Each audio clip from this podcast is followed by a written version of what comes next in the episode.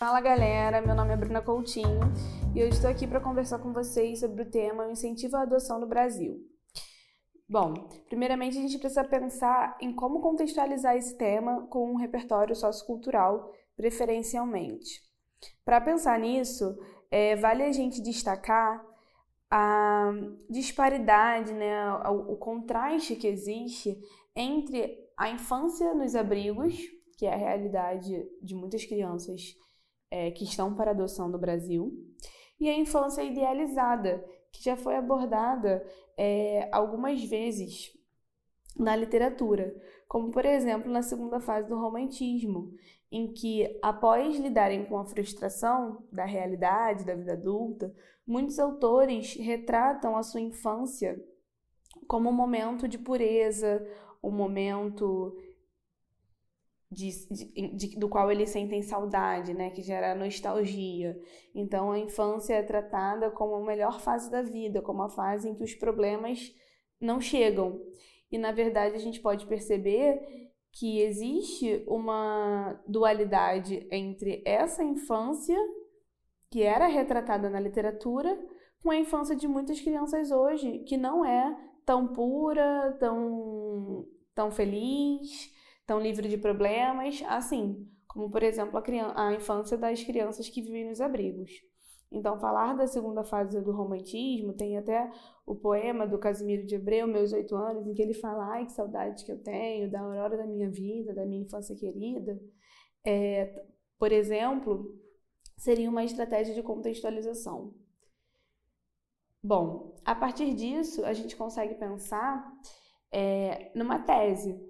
Quando a gente verifica que a infância nos abrigos apresenta problemas, que está está totalmente, é, estão totalmente associados à questão da adoção no Brasil, a nossa tese, né, o nosso posicionamento sobre esse tema poderia ser justamente que hoje no Brasil não existe um incentivo à adoção, ou existe um incentivo muito baixo, existem alguns entraves que prejudicam o processo de adoção no Brasil.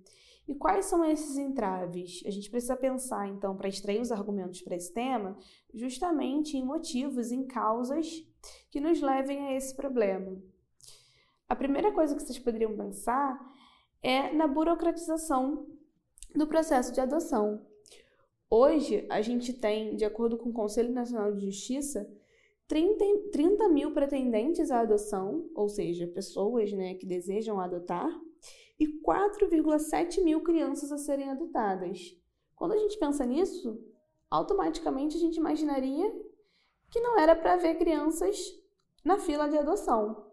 Mas a realidade é que sim, existem muitas crianças que esperam durante anos para serem adotadas, e inclusive é, algumas chegam à maioridade e acabam sendo até é, despejadas dos abrigos, o que gera um novo problema, né? Que é a, o aumento das pessoas que vivem em situação de rua. Então, essa seria uma das causas para o problema que a gente identifica nesse tema.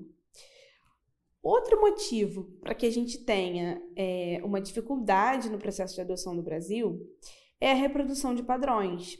A gente vive numa sociedade totalmente influenciada pelo eurocentrismo, que faz com que as pessoas a todo momento é, valorizem inclusive né, em questões estéticas, padrões europeus, como, por exemplo, peles brancas, olhos claros, cabelos louros. E, isso e essa cultura eurocêntrica que existe no Brasil é levada também pelas pessoas que desejam adotar.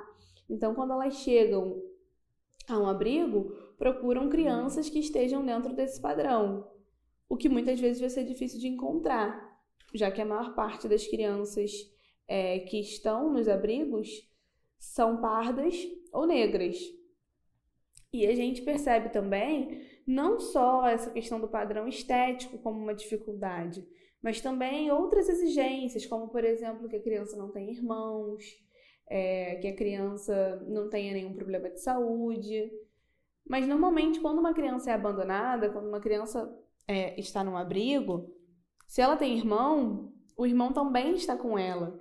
Tanto que, de acordo com o Cadastro Nacional de Adoção, 76,85% das crianças que estão nos abrigos, né, para serem adotadas, têm irmãos. Então, mais uma vez, a gente tem aí uma outra situação que dificulta o processo de adoção no Brasil. Para finalizar essa redação, vocês deveriam pensar em como é, intervir nessa situação de modo que a adoção seja mais é, fácil, eficaz no país.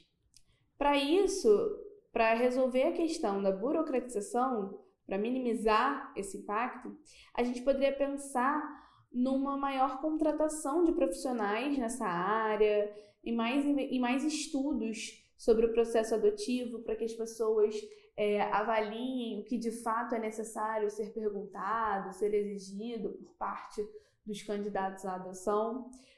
Isso facilitaria o processo e, ao mesmo tempo, geraria mais empregos. Então, é uma proposta bastante interessante. E para a questão da reprodução de padrões, a gente deve trabalhar com a conscientização. A mídia, por exemplo, pode criar ficções engajadas, que são séries, novelas, filmes que abordem a temática, tratando justamente a adoção de crianças sem pensar no que nos padrões, né? Sem pensar no que aquela família que está adotando escolhe por questões relacionadas à cor, a ter irmãos ou não, mostrando nessas ficções que acima de tudo deve prevalecer a empatia, deve prevalecer o amor, o real desejo de adotar uma criança. Gente, é isso. Espero que vocês tenham agora mais facilidade de fazer o tema e façam ótimas redações. A gente continua se encontrando por aqui toda semana. Acompanhem nossos podcasts. Até a próxima!